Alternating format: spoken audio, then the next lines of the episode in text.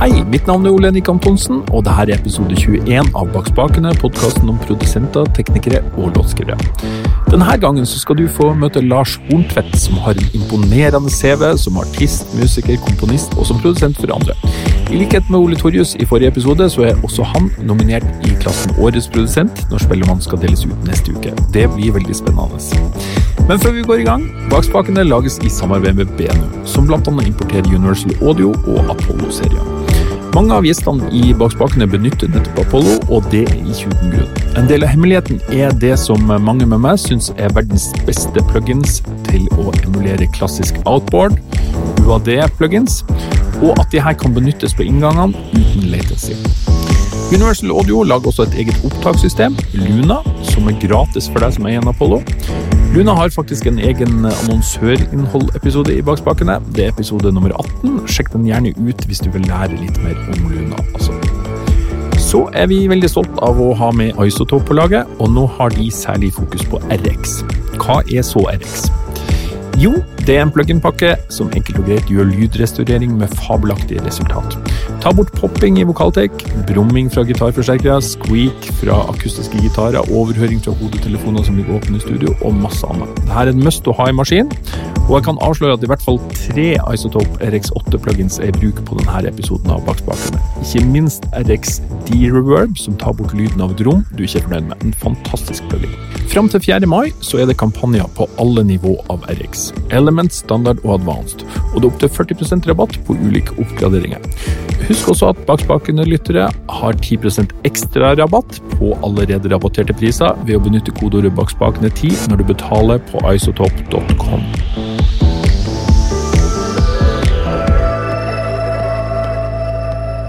Velkommen til Bakspakene, Lars Horntvedt. Takk for det.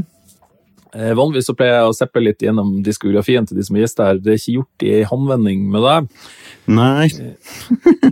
det, det, er litt å ta tak i. Det er solokarriere, det er egne band, det er bestillingsverk både her og der. Det er produsent for andre. Involvert i seriemusikk i Hollywood. Arrangement og skrivemusikk for en rekke ulike artister. Eh, vi skal løse, nøste litt i alt det her, men eh, Først så må vi som vanlig bak spakene se litt på historien din. Du er jo yngst i det som må kunne sies å være en meget musikalsk søskenflokk. Ja, ikke sant? Det stemmer. Mm. Jeg tipper det var greit med musikk i, i heimen, i oppveksten? I oppvekst er uh, Jeg vokste opp i Tønsberg da, uh, med foreldre som var involvert i, uh, i lokal kulturmiljøet, eh, spesielt gjennom kor og lokalteater. Ja. De var aldri skuespillere, eller sånt, men de var, de var liksom involvert på arrangementssida og sånt. Da. Så på en måte vokste opp i eh, et sånt musikkmiljø i Tønsberg som hadde ganske mye både, både jazzkonserter, altså Urias har jo holdt på så lenge jeg har levd, eller litt lenger som er liksom jazzklubben i Tønsberg. da. Ja. Eh, og så I tillegg så har det vært eh, mye, bra, mye bra folk som kommer fra det området. da. Så vi har liksom vokst opp Fikk liksom en inngang til det musikkmiljøet via foreldra våre. basically da. Mm. Eh, og det er jo på en måte alt sånn fra Lars Martin Myhre til, til Terje Johannessen til Knerten Kamfjord eller Johan Rosslund eller det er masse folk. Lars Bremnes bodde jo der i mange mange år. Han var ganske hardt involvert i vår eh, sånn start da, på sånn, det å på en måte komme litt mer sånn inn i jazzverdenen og sånne type ting. da.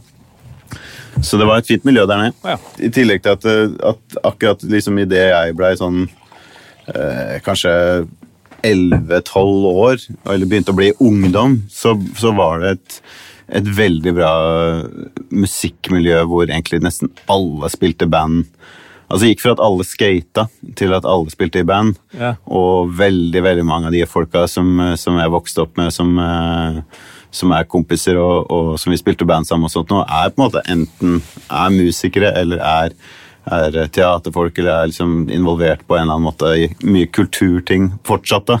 Mm. Så vi var ganske heldige som hadde en sånn periode sånn helt i starten av 90-tallet der som som var veldig, veldig intenst, og masse som skjedde da, i en uh, relativt liten by, liksom. Mm. Så det, det var jævla flaks, egentlig. Så herregud, flaks. Man gjorde det jo sjøl òg, da. Ja. Skapte Vi lagde jo det miljøet, på en måte. Ja. Man skapte jo det miljøet, så det mm. Ja, ikke sant. Eh, Det er jo eh, et veldig stort antall mennesker som har vært innom Mm. eh, Jaga. Mm. Eh, Det er egentlig ganske imponerende når du ser den lista. Ja, det, det har vært masse folk med, og så føles det på en måte egentlig faktisk ikke så veldig sånn. Eh, selvfølgelig har det så, Altså, vi starta i 94, så det er jo eh, det er noen år siden, da. Uh, hva blir det? Sju- 27 år, eller sånn? Ja. Uh, så vi er jo på en måte Vi er jo fem av de samme folka som har vært med hele tida. Mine to søsken og Even og Andreas har vært med fra starten, liksom. Og det, det gjør jo sitt til at det er veldig sånn Jeg vet ikke. Det føles liksom ikke som at man har på en måte bare drassa inn en haug med med folk. Altså Det er på en måte faktisk fortsatt, fortsatt sånn i Jaga at vi, det eneste gang vi faktisk har hatt vikar for noen i bandet, var når søstera mi var gravid. Ja. Eh, og det er på 27 år. Altså, så vi, vi har på en måte, de, de folka som er med i bandet til enhver tid, er, er liksom helt fullstendig med i bandet. Altså Det er ikke noe sånn eh, eh, Det er ikke noe sånn inn og ut-opplegg, da. Nei. Så ja, så veldig annerledes eh, følelse, på en måte, det der. Eh, selv om det virker sikkert som at det har kommet vært drøssevis eh, folk som bare har rent inn og ut, så, så føles det ikke sånn for oss. Nei, ikke sånn. Mm. Eh, hvor mye av tida deres går til det her bandet? Altså, før så var det jo veldig mye. Eh, som på begynnelsen av 2000-tallet og så var vi jo på sånne lange turneer som var sånn sju-åtte uker rundt i Europa i ett strekk, eh, og flere av de, og, og pluss mange runder i USA og mange runder i Japan, selvfølgelig. Og det, det er jo liksom I løpet av et år så har det pleier å være ganske mye, men det er allikevel sånn at liksom vi alltid har holdt på med egne soloting eller andre band, eller vi har alltid på en måte både prioritert å gjøre andre ting, men også villet gjøre andre ting enn Jaga, da. Men hatt Jaga som sånn et hovedband, da. Men nå, de siste åra, så er det Jeg vet ikke hva jeg skal si. Altså, det, varierer litt, da, men det blir jo fort en måned eller fem uker, eh, seks uker kanskje, i løpet av et år. Hvis, altså, noe sånt, da. Mm. Så det er jo ganske, ganske mye. Det varierer fra år til år, da. Og hvor, hva man har ute av musikk og, og sånn.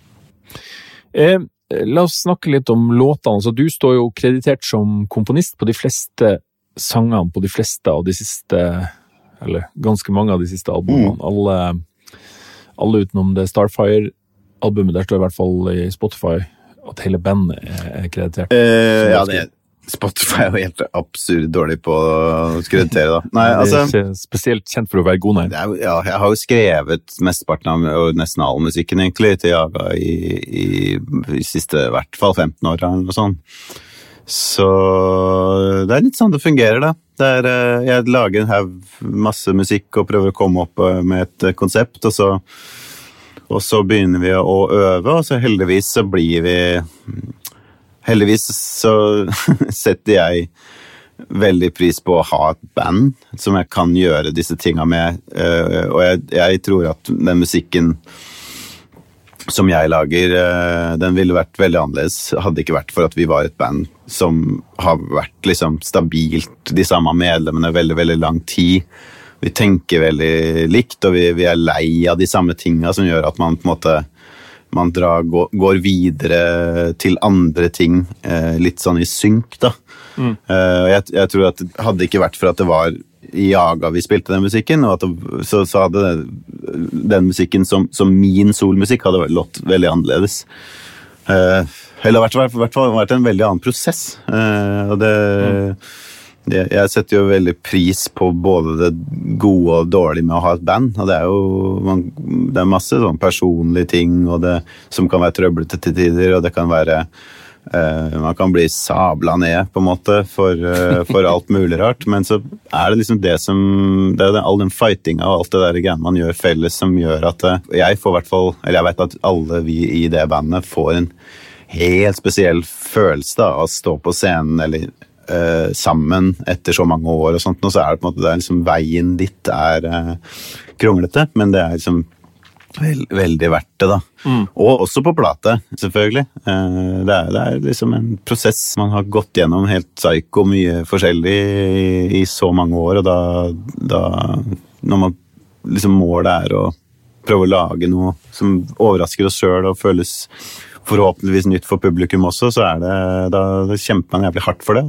Og så, får man eh, Deler man også den kreden, og deler også den eh, den følelsen, da. Som det syns jeg er helt utrolig positivt med å være i et band da, framfor solo. Mm. Er det en lik prosess fra gang til gang? Eller, altså, de platene er jo på en måte veldig forskjellige. På en annen måte så er det jo også lett å høre alltid at det er jaga, syns jeg. da. Eh, Nei, altså er, vi prøver egentlig å gjøre en veldig forskjellig prosess hver gang. Så et eksempel, altså Egentlig så er det, liksom, det, det har liksom vært liksom vårt mantra, eh, som egentlig har rappa litt fra Mozarco, er jo på en måte det å bare prøve å gjøre det motsatte av forrige skive. Ja. Eh, for hver gang, liksom. Men, men, og det er selvfølgelig helt umulig. ja. Hva skal jeg si, jeg, jeg har jo min stil å skrive musikk på. Altså måten uh, melodiene går, hva slags smak man på en måte har i forhold til rent kompositoriske ting. da. Det kommer man liksom ikke helt bort ifra, men så er det på en måte, ok, hvordan produserer man det, hvordan arrangerer man det, hvordan gjør man det annerledes? Og, og veldig ofte så er det liksom eh, en Både når jeg jobber med Jaga og egen musikk, men også når jeg jobber med andre artister som produsent, og sånt, så er det jo det å prøve å forfølge den, det som virker overraskende der og da. da. Det som på en måte Oi, det der, det, det sporet der, der, der har vi ikke vært, liksom. Og så prøve å forfølge det og så gjøre, noe, så gjøre det så kult som mulig. da. Men øh, jeg er jo den første til å si at jeg skjønner godt at når noen hører på en Jaga-skive, at de kjenner igjen elementer fra forrige plate. eller altså sånn, Herregud, det, det, sånn er det virkelig. Ja. Um, mm, Men eh, sånn skal det kanskje være litt også. ja, ja, det absolutt. Det er, eh, liksom, eh, det er jo det som er frustrasjon veldig veldig ofte. Det er å sitte, når man sitter og lager musikk, så er det jo på en måte, man blir jo så drita lei av seg sjøl. og sitter og stanger i veggen, liksom. Men så plutselig så kommer man inn på et eller annet som er eh, interessant, liksom. Og så Veldig ofte for min del, i hvert fall, så er det de tinga som jeg bare føler liksom er lengst vekk fra, fra ting jeg har gjort før, da. Men det er en annen ting med band, da, ikke sant? det er jo også selvfølgelig at man skriver jo for de folka som er med i bandet. Man skriver jo for hva, hva de andre folka, og meg sjøl inkludert, kan spille. Hvilket nivå man er på. Og så prøver man å lage et eller annet som litt, eh, kan være litt utfordrende for de.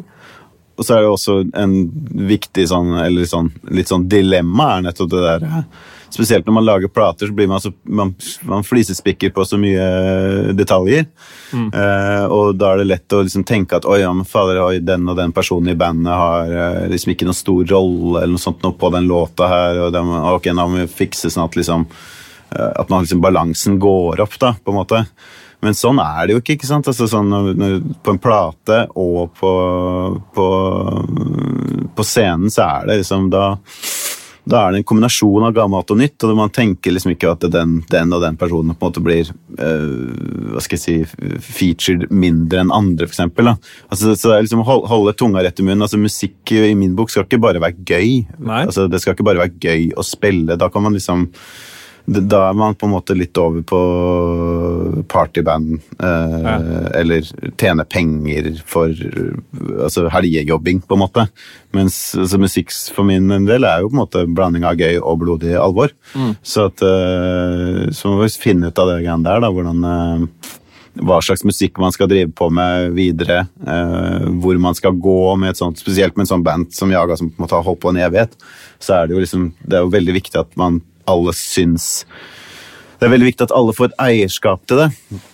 Eh, og, og selv om det er min musikk, så er det på en måte alle må føle at det er deres musikk, og, og at vi har på en måte jobba det fram sånn at det eh, er noe man vil eh, bruke tid på å turnere med og styre med i kanskje tre-fire år framover. Da. Og da, så det er viktig at det er gøy, men så er det viktig at det også musikken eh, s- står på sine egne bein, uavhengig om det er gøy eller ikke. Ja. Det, er ikke, det er ikke noe sosialdemokrati i bandet. Nei er, nei, det er jo ikke det. det er, uh, men, men, det, men, det, er en skikkelig balansegang, det der greiene der. Altså. Det, ja. det, er, det, er, klart, Folk har forskjellig fokus. ikke sant? Jeg har jo veldig fokus inn på musikken og, og platen og produksjon og mye sånn der uh, Det er ikke alle i bandet som er, på en måte, har det samme fokus, ikke sant? Så det mm. er, uh, men det er jo mange i, i, det bandet som har sitt virke som lydtekniker òg, eller produsent. altså Andreas Mjøs, Even Ormstad Eh, Markus Forskeren, mm. du og broren din. Ja, nei, det, alle, alle, styrer jo med det. Eh, det var, veldig, det var veldig gøy på den siste plata som vi ga ut nå. Så valgte vi å produsere det sjøl. Vi sa det ikke høyt ut engang. Vi bare sa vi stikker til Sverige. Uh, spiller inn demoer uh, så bra vi kan. Hvis noe blir dritfett, så beholder vi det. Hvis, hvis andre ting må jobbes mer med, så gjør vi en ny runde seinere. Men, men, vi stikker dit. Er oss i bandet Da var vi faktisk ikke alle. Uh, Line og Erik som spiller trombone og suba, de var, de var, ikke med på den første runden. eller første seks dagene eller sånt. Men da, var vi i studio i skauen der i et sted som heter Kjølviken, og så, og så produserte og spilte inn alt sjøl, og da, da plutselig da, fikk vi veldig liksom fot på det der, da. At liksom eh, Spesielt Even og Markus er jo superflinke teknikere. Ja. Eh, og, og, vi andre på en måte jobber jo som produsenter og, og på en måte er vant til å liksom sitte i alle de rollene hele tida. Man er på en måte vant til å sitte både med produsenten, med arrangørhatten, med komponisthatten, med teknikerhatten. Altså, så, så, det var veldig sånn gøy å å se nå at måte, vi er jo måte, mer voksne folk som har på en måte jobba masse med Jaga, men vi har også jobba masse med hverandre eh, på tvers av eh, alle mulige band og prosjekter. Så er det på en måte det er veldig ofte at jeg bruker uh, Markus som tekniker på, på innspillinger jeg uh, holder på med eller produserer og sånn. Sammen med Martin. Mm. altså vi, vi, Even bruker eh, Martin ofte som trommis på prosjekter hvor han er prosent. ikke sant? Altså, det er masse sånne ting, så vi har på en måte litt sånn der, alle har sine sånne personlige connections uavhengig av Jaga òg. Mm. Så det var faktisk litt interessant. Uh, og gikk, gikk, jævlig smooth. Uh, veldig smooth. Og det, det, jeg tror det handla mye om at, at, vi ikke trodde at vi holdt på å spille inn en ferdig skive, men så endte vi opp med at det, de ti dagene eller hva det var for noe som vi var i studio der i, i Sverige, det blei den skiva. på en måte. Så den bare blei miksa etterpå. Uh, men det, hadde, det, var ikke det som var planen. Nei, Dere bare lurte dere sjøl. Mm. Eh, du sa at dere har blitt mer voksen. Hva, hva, legger du i det? Betyr det at man liksom har Går det mer smooth, eller har man de her klassiske friksjonene? Hvordan, hvordan er det samarbeid etter alle de årene? Nei, altså Jeg tror eh, Jeg, jeg tror de tinga der eh, det er ikke så enkelt. Man, det er ikke sånn at man nødvendigvis vokser ting av seg. Altså Meg og broren min vi krangler som rakkeren. eh, og denne gangen her så prøvde vi eh, ja, da, denne gangen her så var det mer avslappa, kanskje nettopp på grunn av det, at vi på en måte ikke visste helt egentlig hva vi holdt på med. Uh, så det blir liksom litt mindre, litt mindre alvor, på en måte. Ja. Men sånn generelt sett med, med, de fleste andre, så har man jo Som, som man ikke har noe sånn galskapssøskenforhold til, så går det jo ganske smooth, da. Men jeg, jeg, jeg kan gire meg opp og fort komme i litt sånn Komme i litt kantete situasjoner eh, jeg, hvis jeg føler at det er verdt det. da. Ja. For eksempel med a-ha. Så sånn sett i ettertid Jeg jobba jo med en plate med dem, og vi krangla jo så det suste, liksom. Og det, det, er jo ikke mm, Sånn i ettertid så skjønner jeg nesten ikke at, at jeg gadd, eller at jeg, at jeg orka å holde på å krangle, på en måte. Men, men samtidig så man føler jo det der og da, at det er en viktig ting. da. Eh. Ja. Ja, var det sånn at du krangla med dem, eller at de krangla internt? Uh, nei, vi, nei, jeg krangla med dem også. Mm. Om, ja. om, om, masse rart. Uh, musikalske ting og uenigheter og, og greier, liksom. Uh, og det var på en måte tidvis helt grusomt, og det, det, tror jeg de er veldig veldig klar over, og jeg er jo soleklar over det. men ja, nok om det. Men det er, bare, det er, jo, det er jo ikke noe mål. Altså, sånn, sånn i det store og hele så er jo på en måte Jeg prøver alltid egentlig å, å jobbe så mye som mulig for at, at innspillinga skal være så gøy og, og inspirerende som mulig. Og da sånne hva skal jeg si, kantete kranglegreier har en tendens til å, å få folk til å trekke seg litt unna. Så det er jo det, egentlig det siste man vil, er jo på en måte å komme i sånne der åpne konfrontasjonstype ting i studio. Det er jo, det er jo skikkelig kjedelig hvis det skjer, for det, det er jo klart det kan dempe stemninga ganske hardt. da. Ja, absolutt. Men eh, man leser jo om det. Det er jo noen av de beste albumene i historien. De er jo laga under forferdelige forhold. Ja, ja, ja. Helt klart. Eh, men du og broder Martin, hvordan, eh, dere har jo det her bandet, dere har mange prosjekt sammen. Hva, hvordan forhold har dere? Nei, vi har, et, eh, vi har et fint forhold. Vi har, vi har et intenst forhold. Vi er brødre, liksom. Og vi vil basically de samme tinga, men vi har forskjellig måte å komme fram til det på. Og, og det er på en måte ikke alltid man eh, er helt i synk på disse tinga. Eh, som regel så er vi veldig fornøyd når vi er fornøyd. Altså vi er veldig vi er veldig enige om hvordan det blei til slutt, men uh, hvordan, det, hvordan det blei til, er, er ganske Kan, kan uh, eh, være ganske intenst eh, noen ganger. Hvem er sjefen? Nei, det er ikke helt sånn, men, det er på en måte, altså, men spesielt med Jaga da, så er det jo min musikk. Så jeg har jo ganske sterke meninger om, eh, om hvordan ting bør være. Og så prøver jeg å Selvfølgelig, som jeg snakka om i stad, da. Altså, liksom man, det er veldig sånn gi og ta, det der, da. Om man, at man eh, vil gjerne at alle skal være investert, på en måte. Altså Man vil alle, at alle skal få et eierskap til det, sånn at man faktisk gidder å stikke og turnere og verden rundt med det materialet. For øh, hvis man er hvis man ikke digger eh, utgangspunktet, så, så kommer man veldig kort, uh, kort på en turné, da. Liksom, sant? Så det er, jo sånne, sånne ting. Man må ha et eierskap, da. Man må ha den der gnisten. Og det, og det selv, selv om meg og Martin kan være jævla uenige om, om, om diverse ting her og der, liksom, så er det på en måte Han er veldig til å switche om. Eh, når han er fornøyd, så er han veldig fornøyd, på en måte. Da er han, er han veldig med på laget. Eh, så ja. Så det er litt sånn Og så er det forskjellige prosesser fra skive til skive. Jeg vet ikke hvor langt jeg kom med det. Jeg, begynte jo så vidt å snakke om der, eh, disse tinga her i stad. Men altså sånn, hva som er forskjellen på skive, fra skive til skive. da. Ikke sant, så Bare si det kort, da. Så var uh, uh, den siste plata vi gjorde nå med Jaga, den gjorde vi da altså nesten som et sånt bare et sånt demoprosjekt i skauen. Mm. Uh, I en ti dagers tid. Mens den skiva før det, den lagde basically jeg aleine i Los Angeles i over en sånn toårsperiode.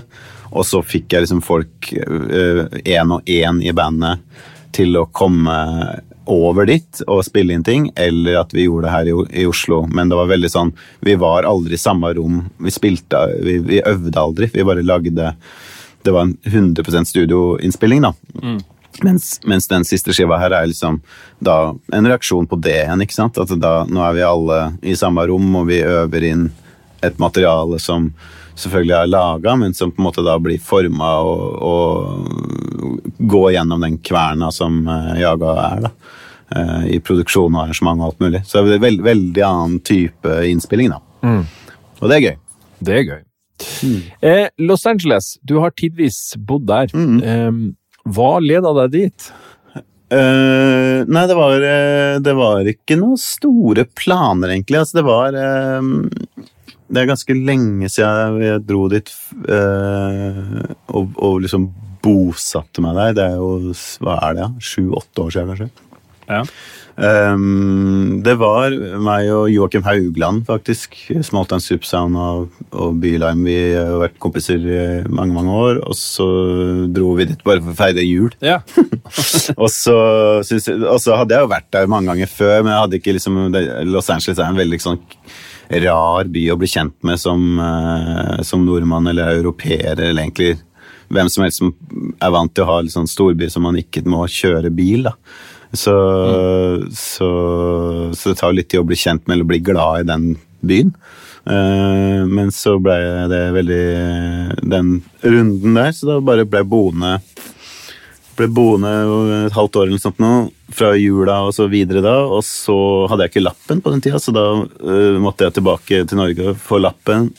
Øh, ta lappen, og så flytta jeg tilbake liksom neste jul, da, og så, så ble jeg egentlig boende litt sånn i USA i, i hva var det, seks år. Uh, sånn av og på, men etter hvert så fikk jeg jo meg kjæreste der, og sånt, og så da, da var det jo på en måte at jeg var der så mye jeg kunne da, i, eh, i de seks åra. Så det var kult. det. var, sånn Musikalsk sett så, så balla det jo på seg etter hvert. Ja. Eh, og jeg har spilt med mye eh, kule folk og vært mye i studio og sånt etter hvert. Men i utgangspunktet så var det bare for å være i et nytt miljø og lage en, den Jaga-skiva. ehm, som vi holdt på med da, da den Star, Starfire-skiva. At jeg bare lagde den musikken og spilte inn den plata der. Eh, så jeg hadde ikke noe sånn der, det var ikke det var ikke noen sånne ambisjoner om nå skal jeg rett i topps i Hollywood eller sånt. Men det er et veldig kult, mer sånn hva skal jeg si, undergrunnsmiljø, da. Ja. Uh, som jeg fikk være en del av en periode. Det, hvor undergrunn det er, er jo på en måte kan man jo diskutere, da. Eh, En del av de folka som jeg hang med og var liksom i det miljøet med, var jo sånn Fender Cat og Flying Lotus. og de er jo liksom de mest kjente kanskje da fra det miljøet, men de har jo akkurat liksom vunnet Grammys. Så det er på en måte eh, Men det er, så- det er mye sånne kule ting som skjer der, da, som er sånn der, det er så mye det er så mye rare connections med folk, da. Um, Ja. Så jeg elska jo det. Altså sånn derre En ting som jeg på en måte gjorde mye der, var jo å spille sånne improvisert altså 100% impro-konserter, blant annet med de kara som Et par av de kara som spiller i bandet Tortoise, som er sånn kjempeinspirasjonskilde for Jaga eh, i alle år, da. Ja. Eh, to av de gutta der de bor i Los Angeles, og så endte jeg opp med å spille mye med de. da. Og da, da for eksempel, Det er jo gøy i seg sjøl, altså, kjempekule folk, men, men da for eksempel en kveld så var det plutselig så Jeg, jeg har spilt en, en eh, sånn times improkonsert, og så skal vi gjøre liksom ett sett til. Kanskje en tirsdag kveld eller et eller annet sånt, og så kommer jeg tilbake på scenen bare vært ute og røyka eller et eller annet sånt. Så sitter en kar der som jeg ikke kjenner igjen, og så hilser jeg på han. Han heter Blake, og så spiller vi en time til, og så er det liksom superfett musikk, men jeg visste jo ikke hvem det var. Og det, liksom, det var han Blake Mills, for eksempel. Da, ikke sant? Som er jo helt vill, rå fyr, da. ikke sant? Men, men, Ja. Så jeg er jo dritglad for at jeg ikke visste at det var han, for da hadde jeg sikkert blitt nervøs det og, har og fucka opp hele greiene, liksom. Men, men da, i og med at jeg ikke visste hvem, uh, hvem han var, og liksom uh, Eller altså, jeg kobla det ikke, da. Før litt Nei. Jeg skjønte det liksom etter hvert i konserten at helvete, det må jo være han. Uh, altså, sånne ting er, er jo utrolig gøy. Altså, altså at, du, at det er så mye det er så mye sånne forbindelser mellom folk på tvers av, av sjanger og sånn. da, ikke sant? Så når man bare bor der Du nevnte jo i stad at jeg har gjort noe sånn serieopplegg i Hollywood. ikke sant? Og det er jo eh, han Brian Weitzel heter han som jeg har jobba mest med. Ja. Han eh, Han er vel relativt kjent, er ikke det? Jo, eller så, så jeg tror man Man må vel være litt inni eh, for Man skal lese credits ganske hardt for å finne han, da. Men, men, men han er jo en helt sinnssykt rå fyr, ikke sant? Altså, Ja. Som har jobba masse med Sofia Coppola og, og gjort mye Altså mye av hennes filmer, Lost in Translation og sånn type, type ting. Ja, ja det var det. Men også liksom uh, gjort mye serier og sånt. da. Altså De tinga jeg var med på, var eh, det Hannibal-soundtracket. Ja. uh, som varte jo i mange år. Så det var jo Det var serien. Eh, ja, så jeg var jo innom der eh, liksom titt og ofte, liksom. Og da, men hans bakgrunn, ikke sant, det er jo Han er jo på en måte vokst opp med hele den gjengen som eh, rundt Beck, ikke sant. Altså, det, det er på en måte hans generasjon, så da, da, da liksom plutselig så Plutselig så er man i studio med liksom Roger eh, Manning, som er liksom, altså keyboardisten til Beck, for eksempel, som er en jævlig rå fyr. Ja. Eh, eller bassisten til Beck, altså Justin Meldal Johnson var innom. eh, vi gjorde noe greier sammen med Susi Su. Altså, det er liksom bare sånne rare kombinasjoner. da. Så jeg skrev stryk til en låt med Susi Sue, Brian Reitzel og Justin Meldal Johnson. Liksom, det var bandet. Altså, og det er på en måte fordi på grunn av den Hannibal-serien så var det, trengte de en sånn rulletekstlåt. Og så, ent, og, så han Brian Reitzel han er jo helt sånn her eh, connecta supergeek, på en måte. Altså han har villeste musikk... Eh, forståelsen på, og, og platesamlinga, men kommer liksom fra punkrock, basically. Han kommer fra sånn San Francisco Red Cross, heter bandet hans, som er liksom ganske kjent sånn punkband. Ja. Så det er på den der kombinasjonen jeg har jo heller ikke noe utdannelse i musikk, eller noe sånt, så jeg er jo veldig fri fyr. Så For meg så har det ikke noe å si om liksom folk kommer fra det ene eller det andre miljøet, sånt, og da, da er det Eh, jeg er liksom bare sånn helt vilt på den måten der. da, At du liksom møter så utrolig mye rare folk hvis man er litt på hugget. da. Ja, det det. Sånne ting da, som, som, var utrolig kult. Og jeg, jeg skulle egentlig ønske at jeg bare skulle flytta tilbake når som helst, egentlig. For det er masse folk jeg fremdeles øh, jobber litt med her og der. da, øh, Som produsenter og sånn spesielt, da, som jeg veit at jeg liksom kunne ha, ha vært gøy å, og gjort mye mer med. Men det er liksom ja, det er litt uh, Det er litt styrete når man først blir litt sånn grodd fast i Oslo. Mm. Ja, hvor lenge er det siden du kom hjem nå? Sånn tre-fire år siden cirka. Mm. Ja. Og det, jeg hadde aldri flytta tilbake. Det var sånn stygt brudd.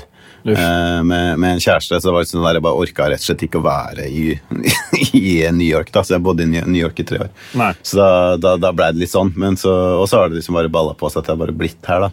Jeg tror nok det er Eller jeg bare innser det, da. At liksom hvis man, hvis man vil eh, Hva skal jeg si Være og spille sammen med folk på et litt mer sånn internasjonalt plan, så, så, så, må man liksom være til stede. Mm. Man må være i byen, liksom. Um, det er vel det du sier med at ja. uh, altså Connections at alt er så tett på, da. Så det skjer jo ting som du kanskje ikke hadde Det er tett på, men det, det er tett på i forhold til, i, i forhold til veldig uh, løse forbindelser og tilfeldigheter.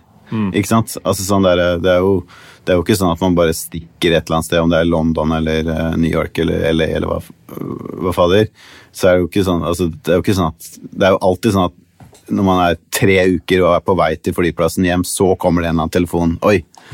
ikke sant? Altså, da, det, her kan du være med på ditt og datt. Det, sånn er det jo som regel. At det er liksom ja. Man må bare være til stede. Mm. Så jeg har vært, jeg har vært, heldig på noen ting. da, på Gjort noen gøye ting sammen med folk på den måten òg. Mm. Det, det, fortsetter jo, det, altså. Men det er, liksom, det er ikke like, like enkelt, i hvert fall ikke i disse dager. Da. Sist, men sist, siste jeg gjorde faktisk før den lockdown her, var, eh, var, eh, å jobbe med en, eh, en, produsent som heter John Congleton. Eh, som både produserte Kanskje kjent for å produsere St. Vincent, da. Eh, men han produserte også en skive med Kimbra, og så var jeg med nå på et par andre skiver som han har produsert med mm, Sharon Van Etten, og så The Staves. Altså, det var det siste liksom, jeg gjorde nå før, uh, før uh, alt uh, ble tok i. Mm. Og det, det, er sånn derre Jeg fikk, fikk et en liten bra minne av å være, være til stede, holdt jeg på å si. Men da, grunnen til at jeg kunne gjøre det, var at de spilte den skiva i London. ikke i Los Angeles, liksom. Da kunne jeg bare komme over og så spille et par dager, og så stikke hjem igjen. da. Trenger du et profesjonelt lydkort i studio eller for å ha med deg rundt, så har Universal Audio mange gode alternativer. REC-serien av Apollo heter nå X, og samtlige modeller har seks UAD DSP-er. Den rimeligste er Apollo X6 med to preamper og seks analoge IO.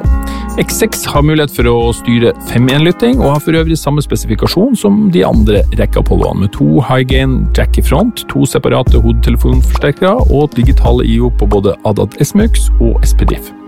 Apollo X8 har fire preamper og åtte analoge IO, for øvrig er den lik X6, mens Apollo X8P har hele åtte av de fantastiske preampene med Unison preamp-teknologi. Her kan du i mange tilfeller rekorde et helt band, og trenger du flere innganger, vel, da kan du koble på en Twin, en X4 eller en Apollo X til. Les mer på benum.no. Du sa tidligere at du aldri tok noe utdanning. Men du har jo drevet med ting som Hvis jeg skulle tippe, så hadde jeg jo trodd at du hadde det. Altså Det å skrive stryker, blåser, mye av det som du har jobba med, er jo, er jo øh, øvelser som krever en viss teoretisk tilnærming. Mm. Hvordan har du lært deg alt det? Uh, nei, det er basically altså Jeg lærte noter i skolekorps, og så starta vi jo Jaga når jeg var 14. Mm. Så da, og, og, og grunnen til at vi starta Jaga, var på en måte for å skrive musikk. Det var liksom det som var eh, Vi var liksom fem, fem folk og start, starta et band med 14 folk, eller hva det var, uh, i starten der. Og Det var mest, mest for å kunne liksom lære oss skrive, lære oss liksom lage musikk for et større band. da. Så da har det bare egentlig balla på seg på den måten der. Altså, så jeg tror første sånn strykearr-ting og sånt jeg gjorde, var vel kanskje med Big Bang. Ja. Jeg begynte å spille med de da jeg var sånn 16 eller sånn. Uh, og så har liksom balla på seg, spesielt når, liksom, når Jaga begynte å, å, å skje litt med, sånn, og ble litt populært og sånn, så var det veldig mange som ville ha stryk og blås. Ja. Når de spurte, så sa jo jeg ja til det. Både spille, men også å skrive, da. Plutselig så tror jeg den første sånn orkestergreiene jeg gjorde, var vel med eh, radioteater. Ja. Jeg jobba ganske mye for Radioteatret. Og da, man lærer jo, Det er jo en sånn bratt læringskurve. da. Ja. Altså, Man lærer jo veldig fort at, liksom, at, man, eh, at det ikke er noe snarveier, og man må liksom virkelig være forberedt. da. Eh, Men jeg bare, altså, jeg vet ikke. Jeg har sagt ja til ting som jeg i hvert fall syns eh, på, hørtes bra ut musikalsk. da. At det, at det er ting som jeg eh, digger musikalsk, og, og da har lyst til å jobbe med. Om det er å produsere eller å arrangere ting, da. Så, så har det egentlig ja, vært uh, gutsy nok da, til å si ja, selv om jeg på en måte aldri har på det tidspunktet hadde skrevet for fullt symfoniorkester, f.eks. Så, er det jo, så er det jo, har de jo tross alt spurt meg, da, så kan jeg jo like godt gjøre det. liksom. Og da er, da er det liksom Det er jo å finne ut av det. da. Eh, En del google ting og Ja. og, men selvfølgelig en del erfaring fra det å lage musikk eh, i veldig mange år for Jaga. da. Så, som, ligger litt, som ligger litt i bunnen da. Mm. Um, på de tinga der. Ja, for det er en uh, soloskiva di, eller uh, det ser ut som en singel i Spotify, eh, det er faktisk et orkesterverk. Mm. Eh, Jeg en singel på 40 minutter. ja, ikke sant? Ja. Mm. Det er bra. Eh, vant Spellemann i samtidsmusikk, Mm. og uh, du er den eneste jeg vet om som har vunnet Spellemann i samtidsmusikk, og som samtidig er nominert som årets produsent. Ja, sånn, ja. Det er bra jobba. Det sier jo mer om Spellemann enn meg, egentlig, tror jeg. Kanskje begge. Må klargjøre litt grann. Altså, den skiva som eh, Den heter Poka.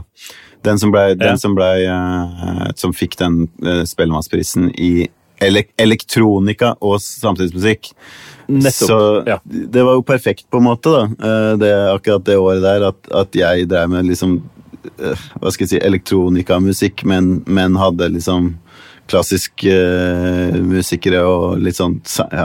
Jeg, jeg syns jo ikke det er samtidsmusikk i det hele tatt. Altså Tvert om. Altså, jeg, liksom det, for meg så er det popmusikk, elektronikamusikk, liksom. Mm. Så, så jeg syns, den, den uh, sjangeren der var helt super-corny. Mm. De, De fortsatte jo ikke med det. Nei, nei, ikke sant. Så selvfølgelig er det en corny kombo. Altså Elektronika og samtidsmusikk er ikke det samme i det hele tatt, liksom. Uh, så var kjempedårlig i det, men uh, satte jo pris på den prisen, selvfølgelig. Ja, ja. Det er hyggelig, det. Eh, Jeg skulle bare si, Ole Torjus, som var gjest her forrige gang i Baksmakene, Mm. han, eh, han snakka om det når, eh, når han starta. da. Jaga i Assist var liksom de store forbildene, det det som gjorde at han på en måte driver med musikk, som han gjør i dag. Mente han sa han det? Ja, han sa det. Og han, Wow. han nevnte Ja, det skulle jeg forresten rette opp, for han, han sa Lars Horntvedt hadde en trommepad. Det, var- det var selvfølgelig Martin. Ja. Men, men alle de der greiene som dere gjorde, da, syns han var tøffeste. Han skjønte ingenting av det, men han bare skjønte at han måtte finne ut av musikk. Det er, jævlig, det er kult, da. Det, jeg møtte han for første gang for, rett før eh, Jeg tror det var rett før jul eller rett etter jul. eller sånt. Han er Veldig koselig fyr. Men, eh, Veldig hyggelig. ja, kult. Han er jævlig koselig. Absolutt. Mm.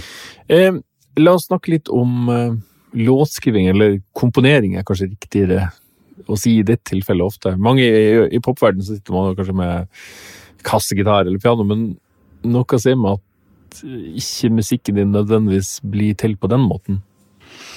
Litt forskjellig. Jeg sitter enten med kassegitar ja, du gjør det. Ja, jeg gjør det òg. Veld, veldig mye faktisk sånn, litt sånn tidligere Jaga-ting og National Bank og sånt. Det er liksom lagd på gitar. Ja. Uh, ofte, med, ofte, med, en eller annen trollstemt gitar, altså at det er en eller annen tuning som er helt uh, corny, og så, og så lage noe ut av det. Um, veldig mye musikk som er lagd på den måten. Uh, også, men så uh, Men så er det piano. Eh, masse som regel nå de siste 15 årene så har jeg brukt piano. Men så, det, men så er det også andre ganger hvor det bare rett og slett går rett på noter. da. Ja. Uh, bare, bare, plotter inn noter i uh, Sibelius. Partiturkomponist, altså. Ja, men, men, men jeg hører jo, hører jo lydene, da. Så det er, det er, ikke sånn at jeg sitter og, og skriver på papir og, og, og liksom jeg, jeg, sitter på en måte og jeg, jeg, får jo veldig hjelp av å sitte og høre eh, hvordan det låter i Sibelius. da. Mm. Ikke at det låter uh, rent gull, det, altså, men, men, man får i hvert fall en forståelse av hva det kommer til å bli. da. Ja. Så, men det, det, varierer litt, altså. Jeg, og, og, ofte så, så prøver jeg å enten lære meg et nytt instrument, eller lære meg et instrument jeg allerede spiller, bedre. Bare for å få noe inn i hendene, da.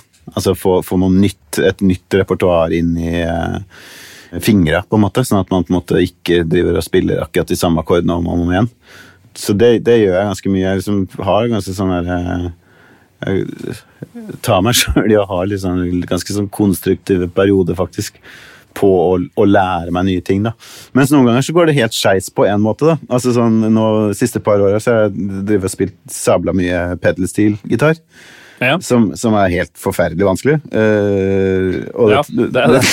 og, det, tar en evighet, liksom. Altså, virkelig. Og, og nå, nå, er det sånn at det som siste året eller et eller annet sånt, så kan jeg spille ganske ok, men planen min var jo på en måte å bruke pedalstilen til å eh, liksom lage musikk, eh, finne nye voicinger som jeg aldri ville ha brukt hadde ikke vært for eh, pedelstil, liksom, hvordan det er bygd opp. Mm. Eh, og det får jeg ingenting ut av. Jeg har ikke lagd én låt. så det er jævlig snodig. Jeg tror det er et eller annet med sånn piano-gitar eh, som, som, er så grunnleggende sånn verktøy. Uh, og herregud, alle er forskjellige, så det sier ikke at det er umulig å lage musikk på pedelstil, f.eks. Men noen ganger så bare går det ikke helt den veien man håper, altså. Men da Bonusen er jo selvfølgelig at jeg spiller jo det ja. instrumentet nå, da. Uh, selv om jeg ikke lag, lager noe musikk på det, så er det så spiller jeg det i hvert fall. Da. Så det er bra. Ja, det er bra. Hva, hva inspirerer, hva trigger deg som komponist? Som komponist um, Eh, hva som trigger meg Altså, et, en eh, litt usexy sagt, så er det jo en deadline. Ja. eh, rett og slett. Altså, siste jeg gjorde nå i fjor, uh, var å lage bestillingsverk til Ekkofestivalen i Bergen. ja, så det var en sånn konsert med musikk skrevet for Bit 20 og Ståle Storløkken og uh, Aksel Skalstad. Uh, den musikken har jeg holdt på med kjempelenge, men spesielt når liksom koronagreiene kom inn, så, så hadde jeg ganske, det ganske hardt å komme seg på jobb, syns jeg. Ja. Men, men, da er liksom det derre At det faktisk er en deadline da, som gjør at man bare ok, bare fuck it, du må skjerpe deg, liksom. Bare stå i det, da. Da, da er det jo um, jeg jobber ikke nødvendigvis på liksom inspirasjon, på en måte. Man jobber, jeg jobber liksom bare ut med utgangspunktet at uh, At hvis man jobber mye, så kommer det et eller annet etter hvert. Uh, så, så kommer jo inspirerte øyeblikk her og der, uh, helt klart, men jeg sitter liksom ikke og venter på det. Nei. Så det er liksom bare hva, man, hva slags musikk man trigger på som en annen ting, sånn min holdning til, til sånn inspirasjon og sånt nå, er jo også at jeg, jeg prøver å Jeg prøver å liksom skjule inspirasjonen, da. Hvis det er noe som er hvis det er noe som føles litt vel tydelig, så prøver jeg liksom å kombinere det med et eller annet som gjør at det blir mer forvirrende.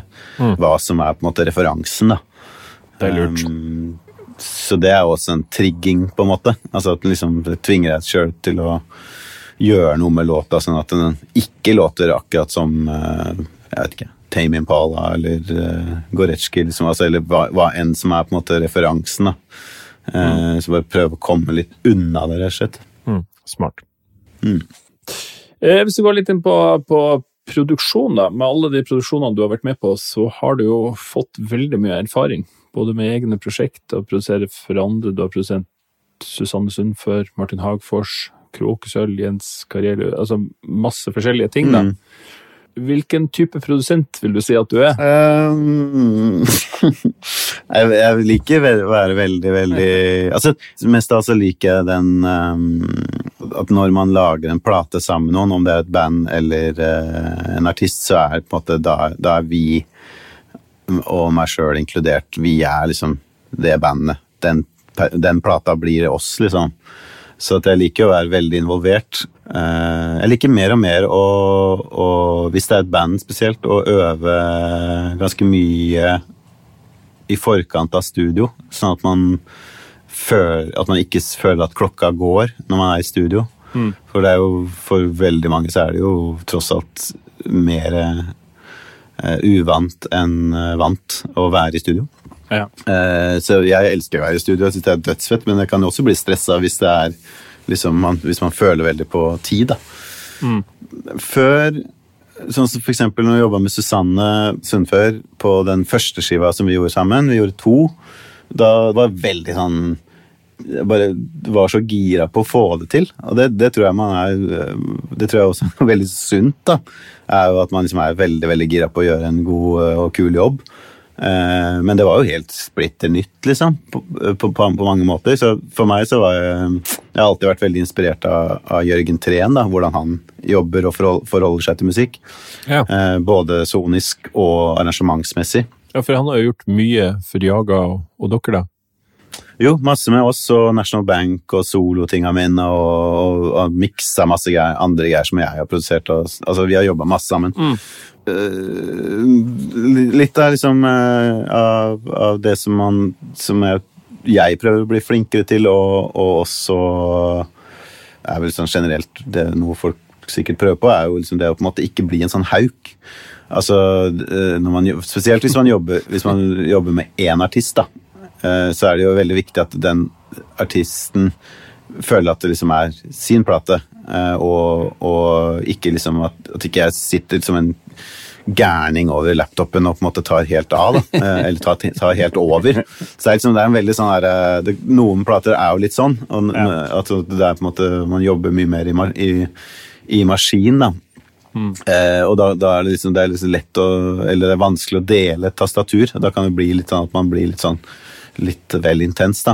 Så jeg på en måte mm, Jeg er veldig glad og stolt av de skivene som har gjort det, men så prøver jeg på en måte da å være en produsent som er mer eh, eh, Kan komme med masse ideer, men, men kanskje helst komme med litt halvbakte ideer. Altså at det at det kommer liksom et forslag til en basslinje eller forslag til en type keyboard-ting, eller et eller annet sånt, noe, men så at, at den som skal spille det, på en måte får det eierskapet til det sjøl.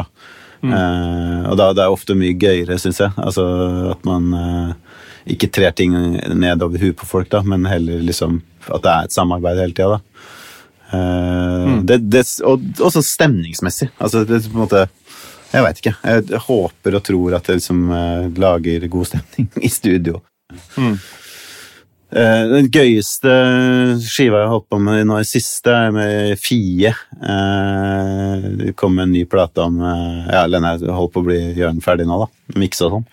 Det er et sånn drømmeband å jobbe med på mange måter, fordi de er, unge, de er unge og jævla sultne, og så er de jævlig funny gjeng. Altså, de er, de er en gjeng som har kjent hverandre siden i hvert fall gymnaset eller noe sånt nå, og, og liksom har humor og bare gønner på. Ja.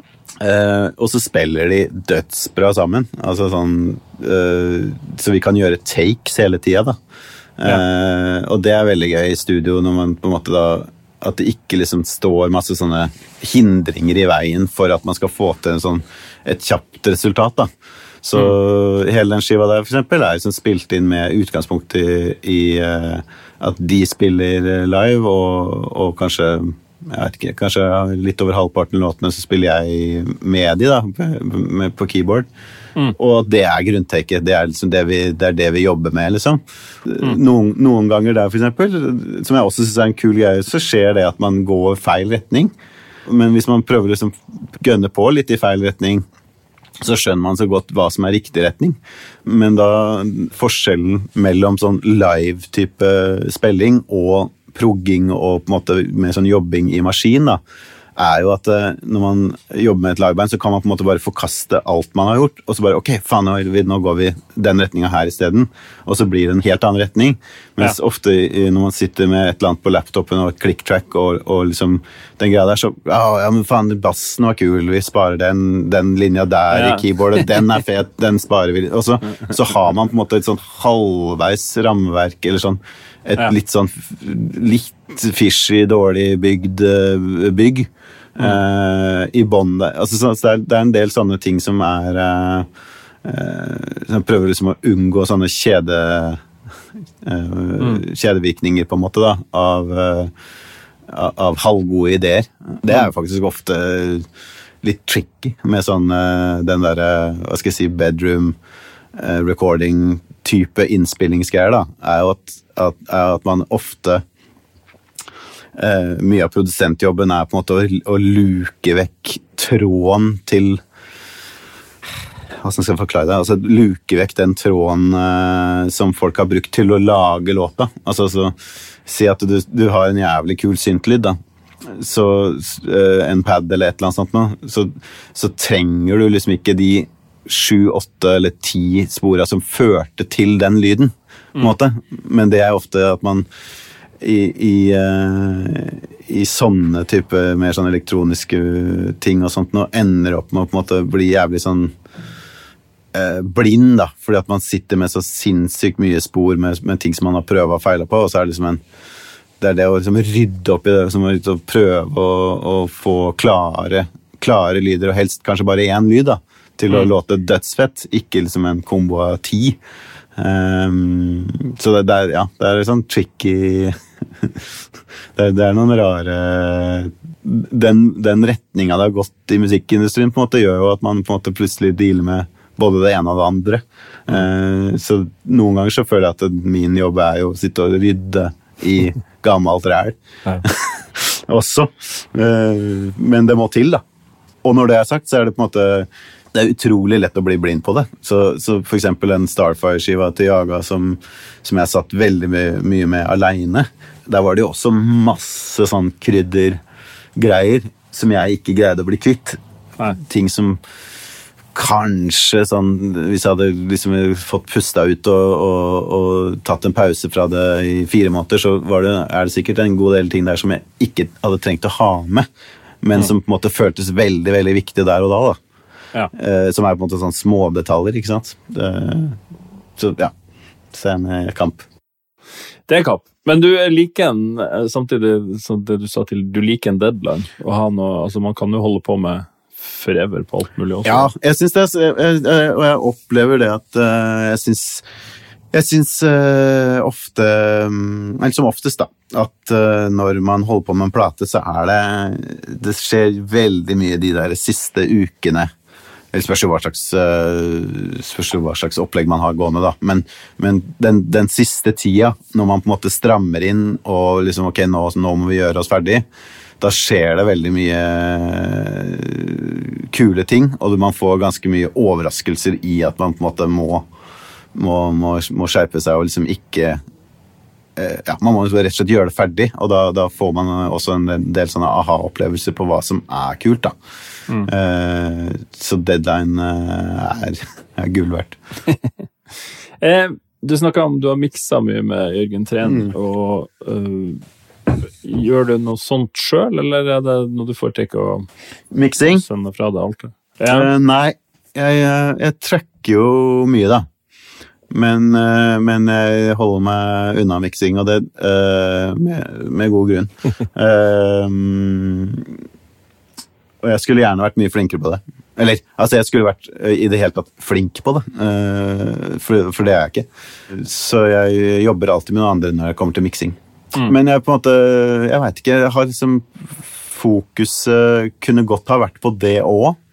Jeg skulle gjerne ha vært det, men det, det måte det blir vel kanskje mer og mer sånn at jeg tenker altså, at, at jeg selvfølgelig fokuserer masse på lyd, eh, men, men at jeg også på en måte prøver å, å legge til rette for en, et lydbilde som på en måte funker i seg sjøl, sånn i forhold til frekvenser. altså sånn at det, at det ikke smasher inn masse forskjellige subbasser oppå hverandre, eller altså at det er liksom et lydbilde som faktisk makes sense i seg sjøl. At ikke det må liksom reddes. Eh, Det er mye miksing i arrangementet. ja. Så det er ofte, ofte sånn. Uh, ofte sånn. Uh, så, men jeg skulle Ja. Det, det hadde jeg hatt en million timer til, så hadde det vært deilig å kunne også miksa. Mm. Hvem er det du bruker, da? Er det Jørgen Treen, eller? Brukt Jørgen veldig mye, men, eh, men nå er det faktisk ganske lenge siden vi har jobba sammen, så det, er litt forskjellig. Um, nå med Fie så bruker vi faktisk han der Russell Elvado, som er eh, mest kjent for uh, D'Angelo og den voodoo-skiva. Og, og Erika Badu og mye sånn der eh, sånn Ja. soul-type greier. da. Eh, som er jævla spennende. Selvfølgelig sånn remote mixing, at han kommer sender over. Ja. Og så må man kommentere på e-mail, som jeg ikke liker så veldig godt, egentlig. For jeg liker best å være til stede. Men, men det blir dødsbra, da. Altså, det, er bare et, det er bare en litt sånn spesa prosess. Mm. Det blir, blir knallbra. Men så så har jeg gjort eh, mye med mm, Markus Forskeren. Og gjort eh, ganske mye med Anders Bjelland i Bergen, eh, som jeg syns er dødsbra. Eh, og også Mathias Telés eh, i Bergen. Ja. Eh, knallbra. Og gjort eh, litt med Jørgen Smådal. Jørgen Smådal Larsen. Kjempeflink. Eh, ja, nå står det litt stille. Det, ja, er vel de vi har jobba med Ja. en stund her nå. Mm. Veldig mange fine navn. Du, helt fra du var pur ung, så har du hatt utrolig mye å gjøre. Bare sånn, tenk litt på det. Hvordan har du klart å skaffe deg så mye jobber? Du er selvfølgelig veldig attraktiv, men man tenker, liksom, er du en jævel på å selge deg sjøl også? Eller hvordan har det liksom gått til? Jeg har vært øh, Altså, jeg er jo på en måte heldig at jeg har store søsken som har, øh, har kommet før meg og blitt kjent med folk. Altså, det er jo sånne ting. Uh, fått veldig mye igjen for bare det å, å holde så hardt på å jage, da, som har på en måte vært et, et Egentlig mest av alt et sånt tapsprosjekt i alle år. Altså, det er jo helt idiotisk idé å, å starte et så stort band. Eh, det er jo ikke noe som vi på en måte noensinne noen av oss på en måte egentlig har levd av. Eh, men det har på en måte ført til jævlig mye kule ting. Så det er vel den, den grunnholdninga mi, da, er jo på en måte at eh, noen ganger så så sier jeg nei til eh, ting som på en måte kanskje har, har gode penger og sånt noe, men som, ikke, som jeg bare veit føler gut-feelinga mi sier at det der fører ikke til noe kulere ting. Altså det, det, er, det, er ikke, det fører ikke til ting som jeg egentlig vil drive med. Nei. Og det, det har vært ganske hardcore i alle år, da. eh, På å liksom luke ut hvis det føles som at liksom, nå bruker jeg tid på noe som faktisk jeg egentlig ikke eh, Da kunne jeg like godt jobba i, eh, i en bank, eller Altså hvis det er en eller annen sånn følelse. Og, og det kan jeg si fordi at jeg ikke har hatt kniven kniv på strupen. Altså, herregud, hadde jeg hatt eh, kniven på strupen skikkelig, eh, så hadde det vært noe annet. Men jeg har vært eh, heldig, da. Eh, Sånn at jeg har på en måte hatt nok is i magen og vært liksom villig til å liksom ikke leve i sus og dus absolutt hele tida. Sånn at jeg på en måte kan fokusere på de tinga som jeg har skikkelig trua på. Det, så, så det er på en måte holdninga. Um, og, og ting går virkelig altså Det er så tilfeldig. Jeg mener eh, Sånn som det fjoråret nå, liksom, er jo det, det var I utgangspunktet så hadde jeg én ting jeg skulle gjøre det året. Det var å, å eh, dra på en lang turné med Jaga. i Europa og USA og Japan og alt mulig rart. Ja. Og det ble jo selvfølgelig kna, og da, men, men så Da var det jo på en måte tomt. Men så plutselig sånn i slutten av, slutten av august så plutselig begynte det å piple inn ting, av sånn produksjonsting. Og da endte det opp med at liksom hele den høsten blei stappa, da. Ja. Det skjedde ikke året før. Da var det sånn der, Plutselig så var det august bare Oi, helvete, nå er det jo faktisk ikke en, nesten ingenting som skjer på månedsvis. Ikke sant? Så det er, det er på en måte Det er skikkelig random, da. Eh, heldigvis så har jeg jo på en måte Det er jo alltid ting jeg jeg jobber jo alltid, for jeg sitter jo alltid og skriver musikk eller, eller holder på med et eller annet i studio. Så det er jo på en måte ikke sånn at hvis jeg ikke jobber med noen andre, så, så tar jeg fri. Nei. Så jeg sitter jo på en måte jeg, jeg sitter jo bare og jobber i studio som regel hver dag, liksom. eh, Med et eller annet.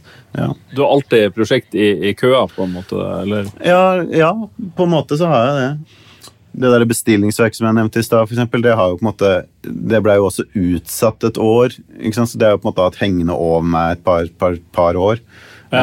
Um, og så ble det ferdig, og så nå, nå er det jo på en måte da på tide å Det har vært gøy å det inn. Uh, Ja. Så det liksom ikke sant? Så det er også et sånn veldig kostbart prosjekt, så da må vi finne ut hvordan jeg gjør det. Altså. Så, og nå igjen, altså sånn derre Det er jo åpent her. Altså det er jo kan, Det er jo bare å sette i gang med en ny Jaga-skive, hvis jeg er hypp på det. Ja. Sette i gang med en ny National Bank-skive. Altså, Ja. altså det, det, er, det er jo liksom Mulighetene er Det har vært kult. Ja, ja. Virkelig. Virkelig. er det noe som dere snakker om seriøst, eller? ja, fra tid til annen. Det er liksom ikke Vi har ikke, vi har ikke Vi hadde vel Det er vel noen år siden vi liksom tok en sånn eh, en, eh, en sånn lunsj og, og, og tjabba litt sånn seriøst om det, men så selvfølgelig så skjer det jo alltid et eller annet da, som, man, eh, som gjør at man utsetter og, og sånn. Men, eh, men det er ikke noe sånn Det er ikke noe som ikke er mulig der. Det, det hadde vært død- dødsgøy, det. Det er jo folk Altså Alle i det bandet er jo folk som jobber sammen nå hele tida, ikke sant. Um, Ja. jeg spiller jo fast i bandet til Thomas Dybdahl. Ikke sant? eh, og altså Nico har jeg spilt med siden jeg var 15. Ja. Eh, og, og Kvenil, Morten Kvenil ble med i Jaga når han var 18 eller sånt nå. 19. Eh, så med unntak av Thomas på det tidspunktet der, da, så hadde jo på en måte vi hadde jo spilt sammen i flere år allerede, så vi er jo på en måte Vi jobber jo sammen med andre ting eh, også. Så det er jo ikke noe sånn der, det er jo ikke noe issues her. Det er jo bare at vi ikke har prioritert å jobbe med det bandet. Um, men eh, vi jobber jo ja, sammen, sammen med masse annet greier hele tida, da. Um, Så vi får se, altså. Det hadde vært jævlig gøy. Det er mange som hadde blitt glad da. Eh, vi, må, vi må nerde litt. For the geeks. Vi, du må snakke litt om, eh, om oppsettet ditt. Fortell litt hvordan, hvordan det er. Eh, du jobber i Pro Tools, sa du. Jobber du i Ableton også? Eller? Nei, bare ProTools. Ja.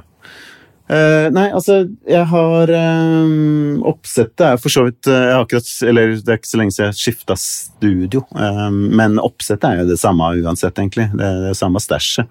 Um, så nå, Før så hadde jeg et, et litt større studio, men nå har jeg på en måte bare ett rom. Ja. Uh, som egentlig er litt kult, uh, faktisk. Det fun funker, det òg. Ja. Oppsettet mitt er basically veldig fokusert på instrumenter. da. Jeg har jævla mye greier i rommet. ja. Eh, men så har jeg eh, en runde med 500-serie preamper og sånn. Ja. Eh, ja. Apollo er, liksom, er kortet mitt, da. ja. Første generasjons, faktisk. Apollo Quad, er det ikke det det heter? Ja, Eh, ja. Det er som heter det. Det er fin, den. Ja, kjempebra. Kjempebra. Eh, og så har jeg en haug med niver og API-er og skibbe uh, preamper. Og en god del gode mikker og sånn. Uh, og så har jeg connecta det her til Ja, jeg har et sånt RME Fireface-kort også, sånn at jeg på en måte har 18 inn da, her i studio Ja. og ut. Så har jeg noen kompressor, jeg har en sånn Burl eh, B2 Bomber som jeg bruker mye. Konverter. Låter fint. Eh, hva annet er det jeg har her, da? Fokal høyttaler har jeg. Ja, det sa jeg. Ja, det er fint. Eh, ja. Det, det er vel det, på en måte, som er sånn recording-biten. Eh, har et par gode basic-ord som funker, og bruker mye. Ser en sånn Um, Dynacord-ekko i hylla di der, eller hva, hva er det der? Den, eh, jeg har en sånn Highwatt high-watt custom tape-ekko. Ja, nettopp. Som, eh, den er også for så vidt veldig kul. Eh, eller den begynner å bli kul nå, for nå begynner nå, nå et eller annet har skjedd med tapen. sånn at den begynner, folk, Men den var så veldig, den var utrolig clean i mange år. Ja. Uh, og da, da er liksom litt av moroa borte, på en måte, men nå, faktisk, nå begynner den å oppføre seg her. Ja. Så, så nå er det litt mer gøy. Hva med instrument og, og synter? Du har litt å, å Ja, bruke jeg har uh, Skal vi se Uh, Jeg har oppe Altså, jeg har ganske mye greier eh, nede i kjelleren her, eller nede i første etasje her, så er det liksom, har vi lager da, med Jaga og, og litt forskjellig, så er det litt sånn, litt sånn live-stæsj eh, også. Men, men her i studio så er den moderskipet er jo liksom en Profit 5. Ja. Eh, og så har jeg en sånn Suitcase Roads og en Suitcase Wurlitzer. Så har jeg en Prophet 6, og har en klavinett og en Mellotron. Så har jeg en sånn Roland SO2-synt, monosynt. Så har jeg to sånne strings-synt som jeg bruker en del òg. Det, eh, det er jo eh, den Sånn RS et eller annet? ja, 5.0. ja, RS, Eller- eh, RS 202, RS eh, Nei, også Paraphonic 505. Ja. Som, som De er jo på en måte brødre. Eh, ja. Og så har Hva det jeg har her? Jeg har, en, jeg har den nye klonen til uh, Altså Model D-klonen til Behringer. Ja, Uh, som funker jo dødsbra. Uh, ja. Kjempebra. den er bra. Ja, jeg er gæren. Det er jo den, Ja, den funker gjør jobben, den, altså. Virkelig. Virker kjempebra. Også litt sånne små, små, sm- småsynter, da. Har den der Dark Energy Dopfer-saken. Ja. Uh, bruker også mye sånn pocket piano uh, kombinert med den der Streichfett-synten. Waldorf. Uh, Waldorf-synten. Ja. Og og sånn, sånn Korg Lambda. Bruker jeg. Det er jo ting jeg bruker mye live, da. Ja. Men som også er oppe her i studio en gang iblant. Det, du, eh, altså, du snakker om Sibelius og sånn. Har, har du sånn strykepakker sånn på samples, eller, eller er det sånn at de tingene der alltid spilles? Jeg har eh, For noen år siden så drev og lagde noe sånn filmmusikk eh, til noe, en, eh, noe greier i Hollywood. Ja. Da, som ikke ble noe av, da. Men så. Men, I Hollywood. Men da, da eh, måtte jeg kjøpe et eller annet som jeg syns på en måte kunne presentere musikken eh, sånn at de skjønte hva det gikk i. For det er jo det, det, er jo det som er ofte er trøbbelen å jobbe med folk som ikke på en måte eh, nødvendigvis skjønner liksom det teoretiske inni det. Så er det jo på en måte helt vilt å drive og konkurrere med, med sånne folk som lager trailere og sånt noe. Altså det, det låter jo helt vilt bra, liksom. Så det jeg kjøpte, da, som var sånn, eh, som jeg syns funker egentlig veldig bra i forhold til det å på en måte bare spille av Sibelius eh, og få det presentert på en ganske decent måte, det er det der Note Performer. Det er jo på en måte en pack. Altså det er jo en, eh, det er jo en, eh, en orkesterpakke, men, men det er eh, mye, er mye enklere oppsett, i hvert fall, da, enn sånn Vienna og disse andre tinga som er I hvert fall, i hvert fall i forhold til Sibelius, så er det veldig liksom Går veldig smooth, da. Um, Og låter kjempebra. Uh, så det er, det er det jeg bruker. Noen ganger så låter det for flott, da, ikke sant? så, så man får passe på litt, da. Hvordan, hvordan faktisk uh, sånn, nå, nå i høst, for eksempel, når jeg holdt på med bestillingsverket for uh, Bit 20, så er jo de eh, de er jo fem strykere. Eh, Så at da, når jeg skriver musikk for de, så er det på en måte man passer litt på. da, At, eh, at de ikke skriver ting som låter helt psyko-svært. eh, Når det faktisk er kun fem strykere som skal spille det. Så da kan jeg gå liksom litt ned i eh, kvalitet. da, altså Bare så bruke, de Ja. kvalitet, altså bruke det som er i Sibelius, eh, altså de Sibelius sounds, liksom. Finner eller noe som kanskje låter enda tynnere, på en måte. Eh, for å skjønne hvordan faktisk det her kommer til å bli, da. Hold igjen på Hans Zimmer-samplene. Ja, ja, det blir litt uh, Man kan få det til å låte svært, det er sikkert. Ja. Men litt vanskelig å gjenskape hvis man ikke har den besetninga live. Mm. Ikke sant. Eh, videre planer framover nå?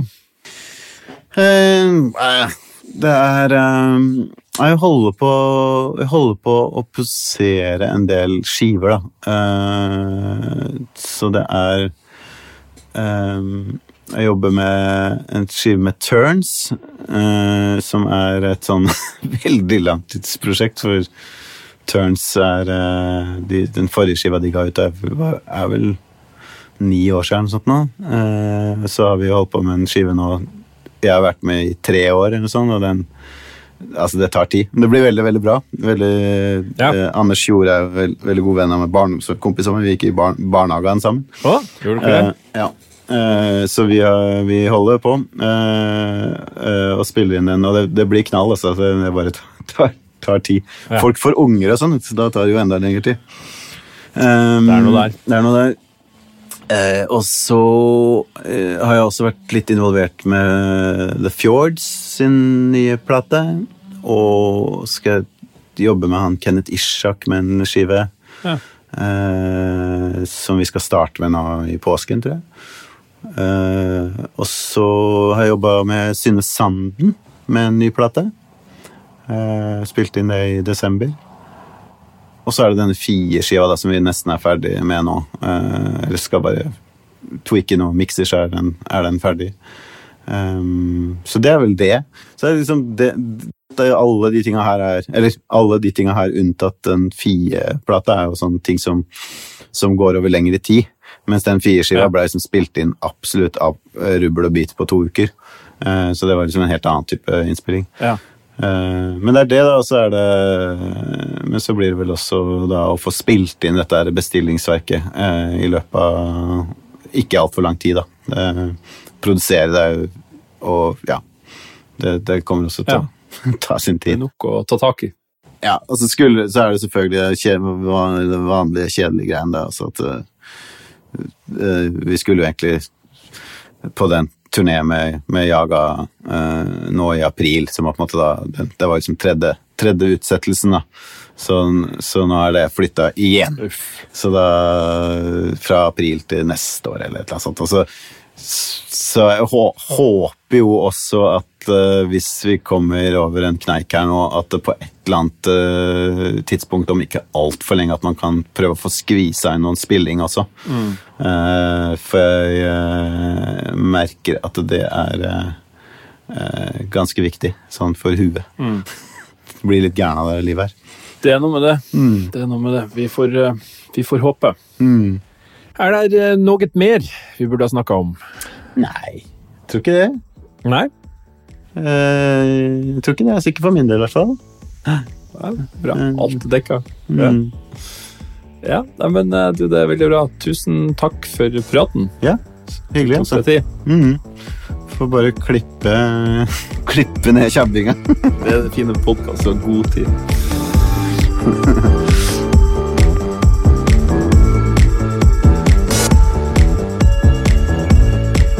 Takk til Lars Horntvedt der, altså. Sitter du med mobilen og lytter på Apple Podkast nå? Da er det i så fall kjempefint om du legger en, en rating. Da vises bakspakene bedre der. Legg gjerne også igjen en kommentar om hva du syns. Denne episoden lages i samarbeid med Benum og Isotop. Særlig takk til Benum som gjør dette mulig, og husk kodeordet bakspakene 10 som gir 10% ekstra rabatt, også på produkter som allerede er på salg på isotop.com. Kulturrådet har støtta denne sesongen av Bak spakene, så tusen takk til dem. Hvis du ønsker en donasjon, stor eller liten, for at Bak spakene skal bli produsert, så kan det gjøres på VIPS til nummer 601095. Dette er helt frivillig, og tusen takk til de som har vippsa. Bakspakene har ei Facebook-side og en Instagram-konto. Gå inn der, følg oss, så holder du deg oppdatert på hva som skjer i podden. Mitt navn er Ole Henrik Antonsen, og vi høres igjen neste uke.